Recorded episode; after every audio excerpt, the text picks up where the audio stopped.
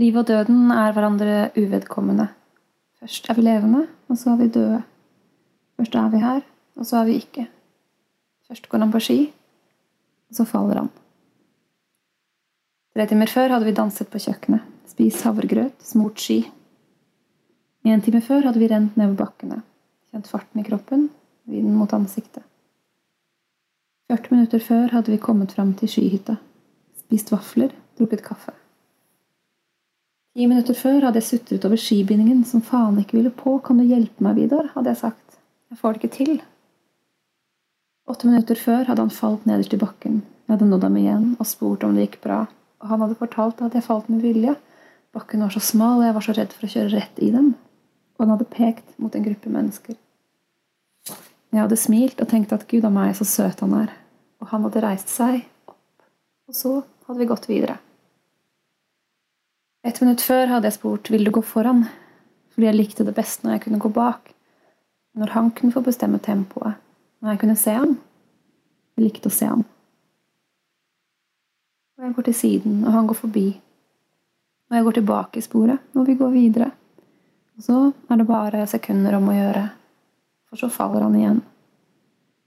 Knærne går først litt til siden, før kroppen dumper ned som en sekk. Overkroppen glir tungt bakover, ned i snøen. Og denne gangen er det ikke med vilje. Han tar seg ikke for med armene. Denne gangen er det som om noen bare skrur av kroppen hans. Men den kan ikke ha vært helt skrudd av. Eller kanskje den våknet opp et øyeblikk. For idet jeg når ham igjen og legger meg ned ved siden av ham, støtter han seg så vidt opp med den ene armen og prøver å reise seg. Og jeg sier til ham at len deg tilbake, kjæresten min, du er i ferd med å få et epilepsianfall. Noe som viser seg å ikke stemme. Det er noe helt annet som skjer. Men det forstår jeg ikke ennå. Jeg holder om overkroppen og hodet hans, og han synker tilbake i armene mine. Han er så tung. Jeg har tenkt senere, i all denne tiden som har vært siden da, var det i dette øyeblikket han døde, mens jeg holdt rundt ham? Da kan jeg forstå hva som var i ferd med å skje, at han nå hvert øyeblikk ikke kom til å være levende lenger, at han nå hvert øyeblikk ikke kom til å finnes annet enn som minner inni oss som var igjen. Når var det jeg selv forsto? Da han ikke ristet? Da han ble blå på leppene? Da jeg fjernet oppkast fra munnhulen hans? Da vi startet hjerte- og lungeredning? Da jeg hørte helikopteret? Da legen kom bort til meg der jeg satt i snøen og sa at vi prøver litt til, som var den første gangen jeg skrek? Da jeg løp tilbake til ham, strøk ham over pannen, hvisket ham i øret? Jeg tror alt sammen må ha krøpet inn i kroppen min litt etter litt heldigvis, dessverre. Jeg vet ikke om det noen gang kommer til å stanse. Da jeg kom hjem igjen flere timer senere utenom, tok av meg skiklærne, la dem i skittentøyskurven, gikk inn i dusjen, huden min var så kald. Jeg skrudde på vannet, og imens det sildret nedover kroppen min, kroppen min som var beina mine, og magen min og ryggen min, og armene og hodet og hjertet og blodet, tenkte jeg at her sto jeg for 20 timer siden også. Her sto jeg med den samme kroppen, Rett opp og ned, og alt var annerledes. For vannet sildrer nedover. Han står to meter unna og pusser tennene, ser på meg, jeg smiler, løfter øyebrynet. Eller som når noen dager senere, og flere uker senere, og flere måneder senere, spør terapeuten min igjen og igjen, for han gir aldri noe tilfredsstillende svar. Når vet jeg at jeg vet at Vidar er død?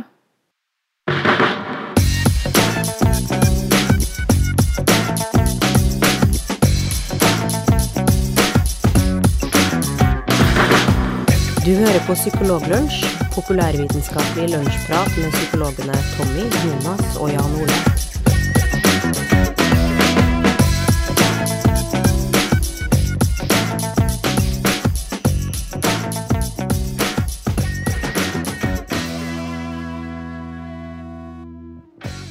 Hei, og velkommen til Psykologlunsj. I dag så er det jeg, Jonas Våg, som sitter her i Malvik. Og så har vi Tommy Mangerud på Melhus. Jan Ole er ikke her i dag, men vi har med oss en forfatter fra Oslo som heter Marita Hansen, som har skrevet en bok om en hendelse som hun sjøl var gjennom for tre år siden da hun møtte Vidar, som denne boka også handler om, som har opplevd eh, død brått i skiløypa etter at de hadde vært sju og en halv måned sammen. Og den historien handler om hvordan forholde seg til å takle sorg og sorgprosessen i etterkant. Og den boka, den er det du som har skrevet, Marita. Ja, det er det. Når var det du bestemte deg for at du skulle begynne å skrive bok om hendelsen? Um, han døde i januar i 2014. Jeg tror det gikk en uke, kanskje, før jeg skjønte at jeg ville skrive bok om det. Ja. Jeg hadde lyst til å skrive før han døde også. Eh, og når han døde, så var det liksom bare det det var plass til. Så da ja. Du bestemte deg ganske tidlig for å få det ned på papiret Ja. og få beskrevet det? Det ble liksom måten min å klare å være uten han, da. Og bare skrive om det, egentlig. Fordi vi har jo visst hvem du har vært en eh, god stund, Marita. For du har jo skrevet forskjellige ting i mange år, også før eh, det her med Vidar. Du har vært veldig aktiv på Twitter. Det er jo kanskje der jeg tror kanskje jeg først Ja. eh, ble kjent med deg, eller oppdaga deg. Ja. ja, det stemmer vel, det. Ja. Mm. Ja, og du har skrevet blogg, og du har formidla deg på den måten lenge? lenge. ja, det har jeg gjort i mange år. Mm. Ja. Er det å skrive noe du har satt pris på bestandig, eller? Ja, men det er jo litt sånn der, når man ser tilbake, liksom, så ser jeg jo at det har vært viktig lenge. Men eh, jeg skjønte vel ikke hvor stor betydning det hadde for meg før ja, de siste årene, da. Mm. Hvordan er det å skrive en bok om noe som er så intimt og personlig? Altså Hvis man har et sånn skriverønske, eller man har en sånn liten forfatter i seg Du, du nevnte at du har kanskje vurdert å skrive en bok også før det her skjedde, men Ja. nå ble det det her som ble temaet. Det var veldig Altså, jeg har blogga noen år og skrevet om at jeg har hatt eh, angst og depresjoner eh, og litt sånt eh, i årenes løp. Og når han Altså, jeg, var, jeg vet ikke, jeg bare liksom fortsette å fortelle om hva som er vondt og vanskelig, liksom. Og så mm. ja. Hva som foregår eh, inni deg, og hva du tenker på og føler på. ja. Det føltes viktig på et eller annet vis. Jeg tenker at når jeg satt og leste den boka di, så var det veldig emosjonelt. Det var veldig sånn tøffe tema, fordi at det her handler jo om å miste noen man er veldig, veldig glad i. Veldig, veldig brått og Ja. uventa. Ja. Eh, noe som jeg tenker Hvis man ikke har opplevd det sjøl, så er det i hvert fall noe man frykter. Og så, så det ble veldig sånn det, det stakk veldig rett i hjertet, da. Ja. Så jeg sitter jo litt med min versjon av det å ha lest boka. Når man får muligheten til å prate med forfatteren, da, en person som da har bevega en, om en skal si det sånn, så er jeg litt sånn nysgjerrig på hvordan er det du vil beskrive boka di? Hvordan er det du tenker at den bør forklares for folk som ikke har lest den, da? Ja, um når jeg begynte å skrive den, og jeg fikk kontrakt med Cappelen Dam, så spurte liksom redaktøren min men hva handler den om. Er det liksom hva den handler om? Og da, var jeg, Mm. klart, da ble jeg litt sånn Nei, om sorg og liv og død og kjærlighet. Altså, jeg visste ikke helt hvor den skulle. Han spurte hvordan slutten skal være. Mm. Og da sa jeg at vi får se åssen det går, da. For da var det jo bare et år siden han hadde dødd. Men eh, det er jo om sorg og om tilknytning. Men så har jeg skjønt at det er jo også veldig mye om kjærlighet. Mm. Det skjønte jeg på en måte ikke før den var ferdig og jeg hadde den fysiske i hendene mine. Det er jo masse om kjærlighet. Mm. Men jeg skriver jo om hvordan det var før jeg møtte han. Hvordan det var å møte han, og hva han som person gjorde med meg. Hvordan han påvirka meg. Mm. Og at han dør, og hvordan den tida er. Hvor, hvor absurd alt føles, og Mm. hvordan sorg er, og hvordan det fysisk føles i kroppen. At han er borte, og uforståelig og absurd og uvirkelig. Alt er samtidig som alt føles veldig virkelig. da. Veldig sånn rar dobbeltfølelse. Ikke sant? Og det lurte jeg også litt på nå, etter å ha lest den sånn om hva temaet i boka er jo mye om sorg. Og så lurer jeg egentlig litt på om du føler at du fant ut av hva det her var for noe. For det er et spørsmål du faktisk bokstavelig talt stiller et par ganger i boka. Altså, er det her sorg? Hva er sorg? Hva skal man gjøre med det? Hva fant du ut, om jeg skal si det sånn? Om jeg har funnet ut hva sorg er. Eh, Ja, eller sånn, for det er vel litt ja, den prosessen du var litt gjennom, tror jeg, kanskje? ja, jeg tror kanskje man har gått bort ifra det nå at det fins forskjellige sorgfaser. Mm, Jeg tror det er noe man har gått bort ifra. mm, Det er litt sånn sjokk og ja, erkjennelse og ja. mm, Men uh, for meg jeg, jeg fant vel ut at det er liksom Det er så mye, det. Det er liksom det der voldsomme sjokket. Og for meg så var det veldig brått. Jeg fikk jo liksom det der både traume og oppleve at han døde rett foran meg. Prøve å redde han og ikke klare det. Og så helikopter og alt mulig. Eh, Så det er jo på en måte et traume i seg selv. Men det så, går så mye frem og tilbake. Da. Det er ikke én kurve som går og så Først er det dritvondt, og så blir det bedre og bedre, og bedre, og så blir det helt bra til slutt. Han kommer jo alltid til å være borte. Han kommer jo alltid til å mangle. Så sorgen fins jo inni meg for alltid, liksom. Du sier det har man kanskje gått litt bort fra, og det er kanskje ikke alle sammen eh, er så klar over det, men det finnes jo utrolig mange myter, tror jeg, rundt det her med sorg. Ja. Mange klisjeer. Du nevner jo også noen i boka di. Altså at det er både ting som folk kanskje sier for at de tror det er sånn det er, altså det her med at det er sånne faser man går gjennom, og så kommer alt til å bli bra til slutt, eller Ja. eller at man eh, sier ting for å prøve å trøste og få både seg sjøl og den andre til å føle seg bedre. da. Ja, og det er jo egentlig bedre at folk sier noe som er skikkelig dust, enn at de ikke sier noen ting i det hele tatt. egentlig. Det er uh, mye lettere å takle det enn at folk bare ikke snakker om man. Eller sier at ting er triste, liksom. Jeg kan jo snakke litt om min opplevelse. da. Når Tommy snakka litt om sin, så er det jo Ja. Altså, hvis man ser bort fra helt til starten, hvor det starter med det som skjer med en Vidar i skiløypa, så handler det jo om litt om når du møter en Vidar for første gangen. ja. Det bygger seg opp egentlig et sånt crescendo da, sant? i følelser dere får for hverandre. da, Og hvordan eh, dere blir glad i hverandre, og du opplever å bli bekrefta. Ja. Den gode følelsen som er i starten av et forhold. sant? Og hvor det bygger seg opp og opp og opp. Sånn i hvert fall jeg som leser da, kunne ha godt se for meg hvordan dere var. ja. Som gjør at når jeg sjøl leser boka, og også siden det står litt om det som skjedde akkurat i starten, og så vet man jo at det vonde kommer til å dukke opp her i midten i boka. Ja, det, ja. Mm. Den hendelsen. Så når det begynner å snakke om at eh, dere bestemte dere for å gå den her Holmenkollrennet, Ja, mm.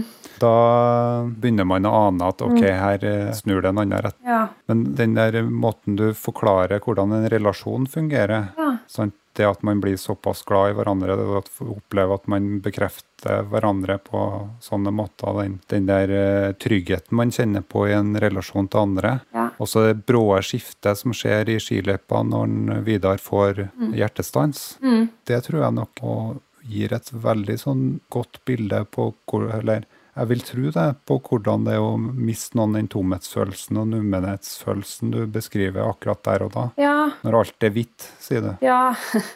Uff, ja. Det, det var eh, voldsomt. Mm. Men så derifra starter jo den sorgprosessen, den bearbeidingsprosessen. Mm. Og du avslutter ganske mange kapittel med å hver 'Morgen våknere', eller som er egentlig tittelen på boka. sant? Mm. Sånn som jeg opplever det, så veksler du mellom at det her er reelt. Jeg våkner opp, jeg puster, jeg lever. Mm. Mm. Men samtidig så har du det intense savnet. Det kan ikke være virkelig. Ja. Dobbelthet. Sant? Og derfor lurte jeg på For i boka så sier du noe om at skriving kan være en prosess for å få satt ord på ting, sant? Men du skriver også noe om, eller i hvert fall hvis jeg har forstått det riktig, skriv for å bevare minnet av relasjonen deres. Ja. altså De, de første dagene etter at han døde, så fortalte jeg om hvordan det hadde skjedd til folk. Eh, sikkert ti ganger om dagen. Ja, kanskje ikke så mange ganger. Men, men hele tiden. Da, for jeg var så redd for at jeg skulle glemme det. For jeg har hørt at folk som opplever traumer, de kan få blackout for å beskytte seg selv. liksom. Og det ville jeg ikke. Jeg ville huske det. Um, så det å skrive har jo både vært en sånn måte å huske på, men også for hver gang jeg har skrevet igjennom et kapittel eller en scene, eller hva vi skal kalle det, så husker jeg jo forskjellige ting. Og så lager jeg jo på en måte historien på nytt, da, eller jeg liksom går igjennom alt på nytt. Så det Jeg vet ikke Får en liksom annen betydning, eller jeg vet ikke. Men, men så var det også en sånn derre av og til liksom desperat måte å prøve å få ham tilbake på. så, Ja. og det går jo ikke an, liksom. Men eh, det er spesielt ett kapittel hvor jeg skriver om at jeg finner eh, skiskoene hans Mm. nede i kjelleren. Og så tar jeg de på meg, og så får jeg en veldig sånn fysisk følelse av at han er borte. da. For én ting var om det å skrive som en sånn form for å sette ord på ting. Andre tingen var liksom å, sånn som jeg forsto det, bevare litt minne om deres relasjon. Men så, Ja. så er det jo at det at du skriver, for, har du tenkt noe om at det skal ha betydning for andre som er gjennom noe av det lignende? Ja, det var um, et par bøker som betydde en del for meg når Vidar døde. Det var uh, John Didion, den derre 'Magical Year of Thinking'. Og så Gunhild Lem skrev en bok som het 'Sorg og sommerfugler'. Mm. Og mannen hennes døde, uh, Steinar Lem. Mm. Uh, men ja, det, det føltes Altså, jeg delte jo mye om på sosiale medier om etter at Vidar døde, så, så, så, så løp jeg liksom til Facebook og Twitter og Instagram for å dele Vi hadde delt veldig mye når vi var sammen, så det, det ble en veldig sånn naturlig kanal. Og det betydde mye for folk der, da. Så jeg fortsatte liksom bare i bokform. Og det, mm. det virka som det hjalp for folk. Og det hjalp meg å få mm. deres tilbakemelding. Så mm. Og i boka di også beskriver du at da har det hjulpet deg å dele mm. med andre gjennom sosiale medier, f.eks. Men, ja. men du skriver òg at du fikk en sånn aversjon mot det etterpå? Ja. Altså at det ble nok? Mm. På et eller annet tidspunkt så føltes det veldig Og det er jo sikkert sånn toveis altså, mm. Jeg delte fordi folk likte det, og når de gjorde det, så delte jeg mer. Og så på et eller annet tidspunkt, jeg tror det hadde gått et halvt år, det føltes ut som min deling av mine sorgfølelser, eller hva man skal kalle det, var underholdning for andre. Og det ble mm. veldig, mm. veldig kjipt og fælt. Klamt, mm. liksom. Det ble litt sånn derre Uff. Ekkelt. Så da måtte jeg ta en pause og slette noen kontor og lage noen nye. og ja. mm. Endra det litt. Da. Mm. Men for din del, Marita, hva har vært de viktige tingene for deg i, i den tida etter at Vidar eh, døde, da? Vet du, det, det, har egentlig vært boka, altså. Ja. Vi hadde vært sammen i sju og en halv måned, og sikkert en nyforelska fase fremdeles, men hele verden min orienterte seg jo rundt han, og når han døde, så orienterte liksom hele livet mitt om døden hans og boka, da. Mm. Liksom det er sånn, og nå, nå, som den er ferdig, så er det litt rart. Nå må jeg finne noe annet å holde på med. ja. Ja. for, i slutten av boka di så er du jo også inne på en litt sånn annen mestringsstrategi. Ja, jeg fant ut at jeg skulle gå en tur. Eh, ikke bare en tur, vil jeg påstå. Det var en lang tur. Ja, jeg reiste ja. til uh, Spania og gikk Det heter jo pilegrimsferd, men det er jo, jeg er jo ikke religiøs. Men jeg gikk 800 km i Spania. Ja. Så det, det var fint, det. Det var en fin ting. Men 800 km for deg sjøl? Ja, altså jeg så andre, liksom. Men, eh, men jeg gikk mm. alene. Ja. Det var veldig viktig for meg å gjøre det alene. Ja. Så jeg ville ikke ha følge med folk. Hvordan uh, Det er jo flere som gjør det. Ja, det, det, var, altså, det var Kanskje 70% gikk sammen med andre, og så var det sånne som meg som Faktisk flere som liksom, enten har mista mammaen sin eller dattera si eller ektefellen eller ja, vært litt sånn gjennom traumer, da. Mm. Eller skilsmisse, eller mista jobben, eller ja. slutta å være alkoholiker, eller altså litt sånn voldsomme mm. livshendelser. Så, mm. så, jeg vet ikke Det må være et eller annet med det å gå da, som er liksom grunnleggende for oss som mennesker, liksom. Som kropp. Jeg vet ikke. Mm. Nei, nå skal vi gå mm. langt. ja. Det er en veldig rar ting. Men det hjelper, altså. Jeg kom liksom tilbake igjen i kroppen min. Det var veldig sånn rar rar. Det er vanskelig å forklare. Men uh, når jeg var ferdig med den turen, så var jeg liksom på plass igjen i meg selv. Mm. Ja. Og det er liksom, Jeg går jo i terapi, så jeg har fått snakka om dette veldig mye. Men det er liksom begrensa hvor langt du kommer med å snakke. da. Ja. Liksom, mm. Ord kan liksom bare gjøre så mye. Til slutt så må du. Jeg tenker Alt det her det sier jo litt om det her med de her mytene, eller det forsøket på å forenkle en sorgprosess. da, altså At det finnes veldig mange forskjellige måter folk håndterer eller jobber seg gjennom ting. Som alt mulig annet i livet. tenker jeg da, At det er veldig mange ulike måter folk lever livene sine. Mm. Og det å gå alene, liksom, er én måte, og det å ha masse folk rundt seg er en annen måte. Og det å prate om det, og det å gjøre i stedet og ikke prate. altså Mange forskjellige mm. måter. Og kanskje en kombinasjon av det òg. Ja, og jeg tror jeg fant ut at folk har ulike måter å gjøre sorg på, liksom. Jeg trengte å gjøre det jeg trengte å gjøre. Mm. Så jeg har ikke skrevet noe oppskrift på hvordan være flinkest i sorg, liksom. For det er ikke noen konkurranse. det er mer sånn her hvordan jeg måtte, Det var bare det jeg måtte gjøre. Var. Hva med videre framover, da, Marita? Altså, tror du at det her med skriving er noe du Kommer du til å fortsette med det, tror du? Kommer det flere bøker? Ja, jeg tenkte det. Jeg tenkte at det var forfatter jeg skulle være nå, da. Ja. Men nå har jeg lyst til å skrive om noe som bare ikke er sant. Mm. bare finne på noe. Jeg holder på med litt forskjellige historier, så det er veldig deilig å bare finne på ting. Du har jo sånne ulike scener fra tida di med Vidar og tida etterpå, som du har i ulike kapittel. For meg så oppleves det nesten som en filmscene, på et vis. Ja. Som tar for seg én bestemt hendelse, ja. ofte. Så fint sagt. Ja, det er veldig billedlig, så du, du ser det Du ser det på en måte for deg. Så bra. Men, men for jeg tenker i, i terapi ofte, når man jobber med noe som har vært eh, traumatisk, så, så når man skriver ned ting enten sammen med dem som går i behandling, eller den som går i behandling sjøl, setter seg ned og så skriver og gjenforteller det igjen og igjen Ja. for å få bearbeida det på en måte som gjør at man ikke er, redd historien Ja. til slutt. Ja. Er det litt sånn man jobber med sånne type scener som du har gjort? At du har jobba gjennom det flere ganger, eller hvordan, hvordan gjorde du dette her? Ja, en del av disse kapitlene har jeg skrevet sikkert igjennom 100 ganger. Og det tror jeg er sånn faktisk har gjort det. Eh, Så, så det blir jo liksom å legge til noen ord og liksom skrelle ned. Og det er jo sånn fortelle om og om igjen. Og det er jo sånn Ja. som det gjør at du sier at det blir liksom mer trygt, liksom. Jeg vet ikke. Det, Mm. Ja, For du får jo på en måte ut essensen i følelsen du sitter igjen med, vil jeg tro, da. Eller sånn jeg som leser. Ja, det er jo det jeg har prøvd å gjøre. Så, og så er det jo noe med at når jeg, hver gang jeg har skrevet det, så har jeg jo liksom, er det en slags gjenopplevelse av det som har skjedd. liksom. Så hver gang jeg prøver å føle på det, så, så dukker det opp noe nytt da, som jeg husker at jeg følte, eller som jeg kanskje ser ting litt annerledes. Eller, ja. Mm. Det blir jo en slags terapi, liksom. Men jeg, altså, jeg har jo ikke skrevet boka fordi at jeg skal få terapi ut av det. liksom. Det skal jo folk slippe å lese min terapi, liksom.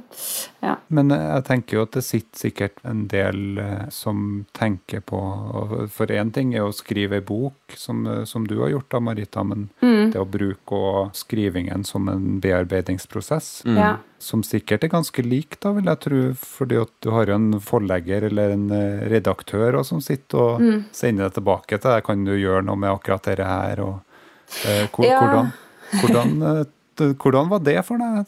Tenker jeg sånn, Det er jo din historie. Ja, men jeg tror vi hadde ganske tidlig ganske sånn Ok, dette handler om tekst, liksom. Han er ikke Når han sa sånn der, den passasjen her kan du ikke ha med, så kan jo ikke jeg bare si sånn Ja, men det er så viktig for meg. Det er det som henter, liksom. Så det er ikke sikkert akkurat den tankerekken hadde noe å gjøre i, i boka, liksom. Eh, Ja. Så, så det har jeg egentlig klart å forholde meg til ganske greit, egentlig. Det er, mm. For det er jo ikke følelsene mine han snakker om når han sier at dette er ikke viktig. Det er ikke meg han snakker om, det er jo teksten, liksom. Så. Ja. Okay. Du sa litt også om at det her med å finne bøker om sorg, eller så det, det var, Du var litt sånn på jakt etter noe som kunne hjelpe deg med å forklare litt om hvordan det her skal være, og som vi var litt Ja. inne på tidligere, at du, du stiller det spørsmålet noen gang i, lø, i løpet av boka. Du stiller det til terapeuten din, du, du undrer på er Ja. det her sorg. Ja. Um, og det er jo en ting som jeg synes er litt snodig å tenke på, at noe som egentlig er relativt vanlig, altså det å oppleve sorg, er noe de fleste mennesker antar kommer til å gjøre i løpet av livet. ja, det er jo det. I større eller mindre grad. Ikke alle som er så uheldige og får det så brått som det du opplevde, men altså det å liksom skulle justere livet etter å ha mista noen, er noe som er Ja. uvanlig, og så likevel så har det en så vanvittig innvirkning på oss. Ja, vi kommer jo alle til å liksom miste noen som vi er kjempeglad i, liksom. Så det er jo veldig Altså, kan vi ikke bare snakke litt mer om døden, egentlig? Ikke sant? Det, det, det kan vi ikke bare gjøre det? Det må da vel være Ja. greit? Ja. Men jeg forholdt meg heller ikke til døden noe særlig før jeg mista Vidar. For jeg, har- jeg mista, besteforeldrene mine, men, men, men de var gamle, så det var jo liksom forventa. Men jeg ikke forholdt meg noe aktivt til min egen dødelighet heller, da. Men det gjør jeg nå. Det er kanskje ikke så rart at man også tenker litt mer Du, du beskriver litt også det her med når du sitter på det flyet, for du drar til Paris, ikke sant, og at du, du tenker på hva skjer hvis at det her flyet detter ned, liksom. Kan det hende at det bare kan dette ned? Det er jo, Fly detter jo ned. Fly detter ned, ikke sant? Ja, Veldig sjelden, men det gjør faktisk det. Så, ja, det gjør det. Det kan hende at det skjer akkurat når jeg sitter oppi der. ja. Ja. Så, så det er også en ting du har tenkt på, at folk flest burde ha snakka litt mer om det. Ja, men, men, men man, folk blir så redde, da. For jeg tror man blir liksom så Da må man forholde seg til sin, at, man, at det er, man, vi er her bare en bitte liten stund, liksom. Og det er så skummelt. Så, så det er folk som har sagt til meg at jeg, jeg vil ikke lese den boka di, for jeg, jeg vil ikke tenke Ja. på døden. Og da Akkurat. sier jeg, men det er jo kan jo ikke, de, de må jo få lov til å ikke lese boka. Eller ikke få lov til ja. døden, da. Men jeg, og så er det veldig sånn at folk grugleder seg til å lese den, og det er også lov. Men, Ja. Men, men um, det, er, det er ikke noe farlig å være lei seg, liksom. Eller å være redd, eller Det går bra. Det går Ja. over. ja. Ja. Man har jo lov å ikke lese boka, men det er jo litt sånn begrunnelsen for at man syns det er vanskelig, er jo det, det, det, det er interessant at, vi, at det, det er jo sånn det er for oss. At det er et vanskelig tema. Men jeg vet ikke om sorg liksom er tabu. Men det er jo så populært å si at ting er så tabu, liksom. Men jeg vet ikke om sorg eller døden er tabu lenger. Men, men um, det er i hvert fall noe som folk syns er vanskelig å snakke om, da. Så man vet ikke. Og det, Det er ubehagelig. Det er ubehagelig, liksom. Det er jo så trist. Mm. Du sier jo i boka di at eh, folk blir stilt opp eh, til to valg hvis de eh, snakker med noen som er tynga av sorg. Da. Ja. Og det kan jeg godt kjenne igjen, den der valgets kval, som den som snakker med noen som, Mm. som har opplevd sorg, blir stilt opp for. Skal jeg unngå det her temaet, eller skal jeg Ja. ta det sukket og, og manne meg opp til å, til Ja. å snakke om det? Sant? ja. Men for man må jo være litt modig. Mm. Og det beskriver du ganske godt. Altså den der, eh, den der at, eh, at sorg er nok et tema som, som folk i det lengste prøver å unngå. Da. Mm. Mm. Og kanskje er det en ting som er såpass iboende Altså det, det er så grunnleggende i, i kulturen vår så det tar litt tid før vi får eh, røska opp Ja. rota med det. da. Ja. Men så tenker jeg at jeg har jo litt sånn der kompromissløst forhold til å være ærlig med følelsene jeg har. Så jeg er jo kanskje et sånn ekstremt tilfelle, da.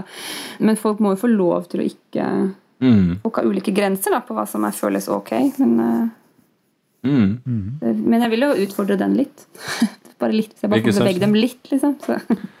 Men, men vi har snakka litt sånn utafor podkasten og sånn, og da, da har du jo snakka litt om at du har passa på at boka er For jeg har jo lest boka, og man kan jo lese litt mellom linjene og litt i underteksten, eller hva vi skal kalle hvor mye følelser som egentlig ligger i teksten. Ja. Uten at du nødvendigvis beskriver det med ord i teksten akkurat hvordan det føltes, så kan man Skjønne det godt, likevel. i hvert fall som Ja. Mm. Eller skjønne, eller i hvert fall legge sitt eget i det. vis. Ja. Og det vil man jo vel gjøre uansett hva slags bøker man leser, holdt jeg på å si, om det er dokumentar eller skjønnlitteratur, at man legger sin, sin egen følelser i det. Og et- det var noen som snakka om at i begravelser, når man gråter i begravelser, så gråter man egentlig ikke for den som er død, men om sin egne tap, liksom. Mm. Med folk man ikke kjenner så godt, da. Man liksom det, Man får liksom kontakt med noe som er vondt ellers òg. Så Sant. Ja, jeg vet ikke helt hva jeg vil med det. Men. Mm. Det blir jo litt hopping i temaet akkurat det, men i boka di, Marita, så møter du et par uh, sørkoreanske uh, personer som er ute på, ut på tur, Ja. som du ender opp med å kalle Jensen og Onion, fordi at du Det er så rare navn. Ikke helt, Ja. ja. Og de kaller deg for eh, Monica, var ikke det? Boreka og Monica Ja, vanskelig å forstå. Ja. Og i forbindelse med det, så du blir jo litt kjent med ulike kulturer, sånn du Mm. beskriver du på den turen din. Du går jo 800 km, så du er jo nødt til å forholde deg til andre mennesker. litt Tok vel 42, 41 eller 42 dager. Ja. Mm. Ja, sant. Så gå over 42 dager og møte på masse nasjonaliteter, det må jo Mm. være en, en eh, Det var en veldig utrolig opplevelse. Ja. Ja. Og du har jo et litt sånt antropologisk vinkling på hvordan ulike kulturer er i boka ja, jeg sier noe forskjellig om franskmenn og engelskmenn og italienere. Og, Mm. Ja, det Du gjør det. Og de bekrefter jo litt sånn de tankene jeg har hatt litt om eh, forskjellige, Ja. forskjellige nasjonaliteter og sånn. òg, kanskje er, ja. er Så hvis man går på en 800 km tur Ja. for seg sjøl, så får man jo òg den opplevelsen. ja det får man. så det er bare å ta seg en tur. Mm. Men det var faktisk utrolig få nordmenn på den turen der, altså, så det, flere må gå. Ja. Nei, det var en helt fantastisk tur, og det var liksom Altså, jeg tok jo den turen fordi jeg var så utrolig lei av å gå rundt i verden og liksom bare identifisere meg selv som en som hadde mista kjæresten sin veldig brått. Jeg hadde lyst til å liksom bli noen annen, og det fikk jeg ikke til. da. Sant? Dessuten så hadde jeg jo ikke noe hjem, for jeg ville ikke ha noe hjem. For jeg var jo ikke hjemme med meg sjøl engang. Eh, så nei, det, ja, nei, men det var veldig Det var fint å se at det finnes utrolig mange måter å leve et liv på, det. Så fy søren. Men da er vi ved veis ende med podkasten i dag.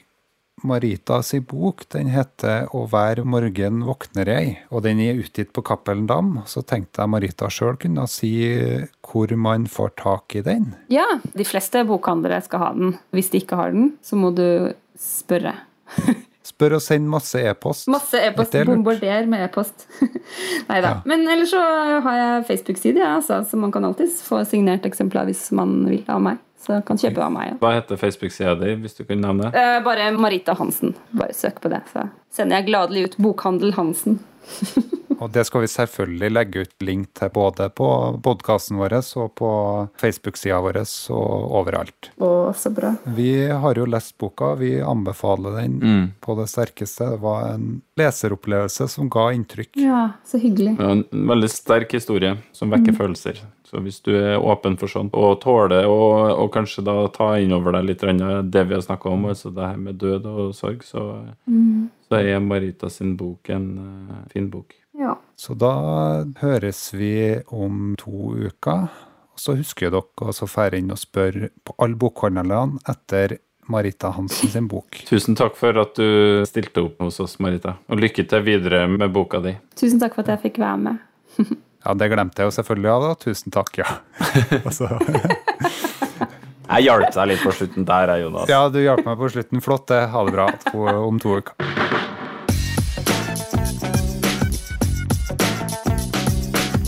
Du har nå lytta til Psykologlunsj. Har du noen spørsmål, kan du søke opp Psykologlunsj på Twitter, eller du kan sende en e-post til psykologlunsj, alfakrøll, gmail.com. Mer informasjon om temaet du har hørt i dag, finner du på psykologibloggen.no og tankesmed.no.